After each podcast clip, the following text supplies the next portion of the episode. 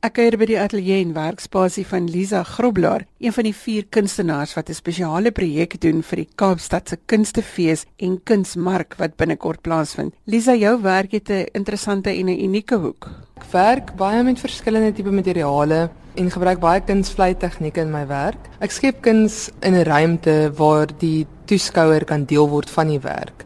En dis vir my baie belangrik dat daar 'n element van interaksie is, maar sonder dat die persoon wat die werk besigtig geïntimideer is daardeur. So basies deur die werk te betree word jy onmiddellik deel van die werk, amper toevallig.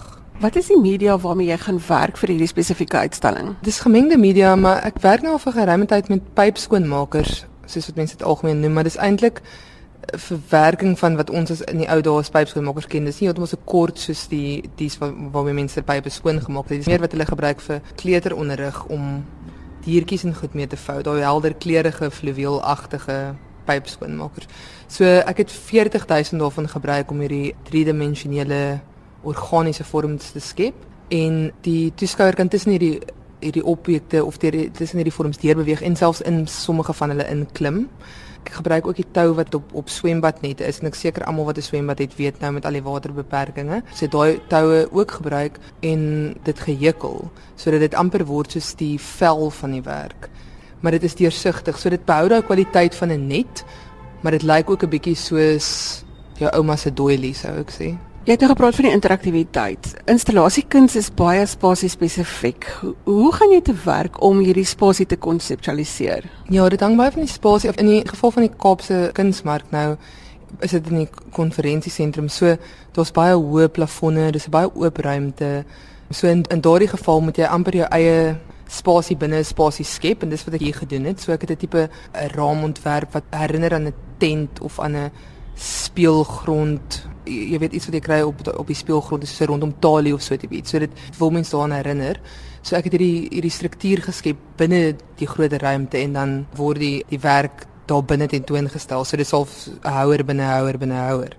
Maar in baie keer is mens werk vir ander installasies dan werk jy maar met die proporsies van 'n kamer of 'n vertrek. Ek ek kyk altyd na die proporsies van 'n mens of jou fisiese grootte met betrekking tot die installasie of die kunswerk.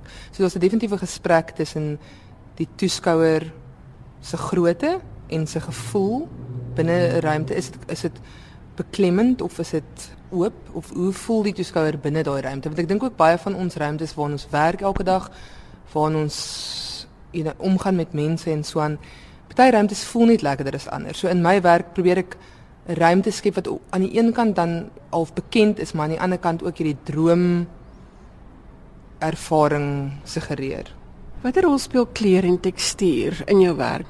Ja, kleur is vir my baie belangrik. Um, ek dink en tekstuur ook natuurlik. Om kom ek praat eers oor tekstuur. Ek dink vir my ek hou baie van die tasbare kwaliteite van kunswerke en baie installasiekuns omdat dit baie konseptueel is, is nie noodwendig altyd baie tasbaar nie. En eintlik die hele geskiedenis van kuns in die in die hele geskiedenis word mens altyd aangesê om nie in goed te vat nie. En dit was iets wat my altyd geplaag het as 'n kind daai daai ervaring wat kinders het wanneer hulle nuwe goed ontdek tas speel tog altyd 'n baie groot rol daarin. So ek wou in my werk werke skep waar jy amper daai kinderlike ervaring van soort van direkte kontak met die werk kan behou. En daarom is tas vir my baie belangrik in verskillende teksture maar dan ook kleur want ek dink kleure het baie verskillende persoonlikhede en ek's baie lief vir kleur.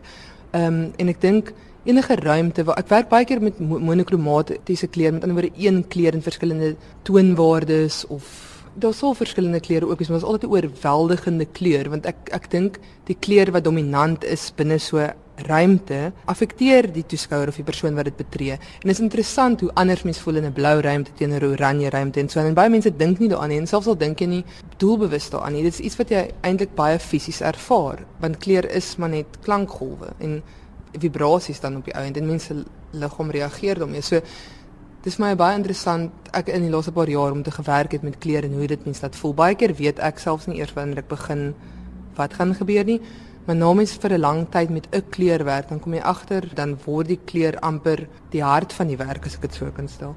En daarom die werk wat ek op die oomblik beplan vir die um, kunsmark is baie meer koeler kleure en water wat met water geassosieer word, sal ek maar sê blou en pers, 'n bietjie rooi en so En maar ek terselfdertyd is daar 'n installasie by die Nasionale Galery waar ek net met geel gewerk het en ek dink alhoewel die tegnieke en so wat daar gebruik is baie soortgelyk as in die vorms ook, is die ervaring wanneer jy die ruimte betree baie anders doodgewoon as gevolg van die kleur. Dis baie soos die uitstalling by die Ziko Museum. Watter terugvoer kry jy van mense? Tree hierdie werk in gesprek met hulle? Wat is hulle ervaring as hulle binne in hierdie goed wat lyk soos 'n kokon inklim? Praat baie keer met mense oor, maar is amper iets wat mense nie wil verduidelik nie. En ek sê baie keer vir mense dis soos 'n droomervaring want ons is so in ons samelewing gewoond aan om goed altyd te wil verduidelik. En die, en die ding vir my van my werk hopelik en van die terugvoering wat ek kry is dat dit eerstens gaan oor 'n ervaring wat jy nie noodwendig wil verduidelik of kan verduidelik nie, maar dit dit, dit verskuif net so 'n bietjie jou gewone perspektief of dis wat ek hoop om te doen. En dat dat dit nie nodig is om 'n soort van intellektueel te verduidelik alhoewel daar natuurlik onderliggende temas is, maar vir my is dit die belangrikste dat mense dit geniet of dat hulle op een of ander manier voel dat hulle nie hoef terug te staan as hulle nie baie van kuns af weet nie. Jy weet dit is om brood te bou eintlik tussen mense wat baie ingelig is en mense wat nie is nie. En miskien vir mense wat nie baie ingelig is nie, verwag eerder skilderye as mense wat ingelig is, maar selfs vir mense wat 'n skildery verwag en dan 'n omgewing kry, kan jy nie help omdat jy daardeur loop om deel te hê daaraan nie en dit is daai amper soof onverwagte deelname waarvan ek praat. Maar eintlik oor die algemeen wat vir my altyd die lekkerste is, is kinders, kry dit net onmiddellik. Hulle ek bedoel want hulle wag nie om te hoor wat hulle mag en nie mag doen nie. En van die goed het ehm um, swaai of trampolines of so ingaan en die kinders is net dadelik daarop en hulle speel. En dis eintlik maar net waaroor dit gaan. Nou moet ek een van daai oningeligte vrae vra. Hoe oorleef jy met installasiekuns? Wie koop dit? Ja, kyk installasiekuns, ons het nie eintlik 'n mark. Globaal is wel baie klein mark. So in Suid-Afrika, dit is nie eintlik 'n mark daarvoor nie. Maar ek werk met verskillende media en verskillende groottes werk. So 'n groot installasie is iets wat ek sal konseptualiseer vir 'n kunsmark of vir die museum of so en dan ek is gelukkig om korporatiewe borge te kon kry vir goed soos dit waar jy weet dis dis is 'n advertensie vir wat jy kan doen, sal ek maar sê. Maar dan verwerk ek dit baie keer ook in sê nou maar digitale afdrukke of ek sal elemente van die installasie gebruik op doek. Daar's altyd kruisverwysings tussen die komponente in my werk. So ek doen baie werke wat sê net maar seker maar skilderye kan beskryf word alhoewel dit nie in die tradisionele sin net olie op doek is nie, maar dit kan olie inkorporeer. Ek doen baie goed vir sê maar spesifieke korporatiewe kliënte of vir 'n spesifieke ervaring. Mense spandeer baie geld om uh, jaareindfunksie te hou argumentsonthaalwe. So mense wil iets skep wat dit meer interaktief maak vir daai gebeurtenis. En ook dat die mense wat dan deel was van daai ervaring dat dat jy saam met jou na aanleiding van die ervaring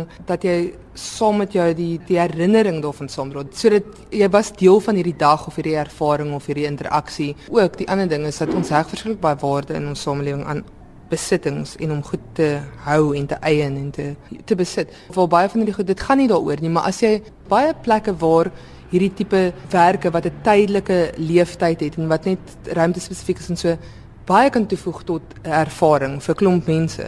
So Instagram en al daai goed kan gebruik word om vir so 'n tipe korporatiewe geleentheid dan ook 'n langer lewensverloop daarin te gee. Ek sien baie kleure. Ek sien hekelnaalde en ek sien breinaalde. Waar het jy die kuns van hekel en brei geleer? Ja, brei het ek al gedoen van ek baie klein is. My ouma het my geleer.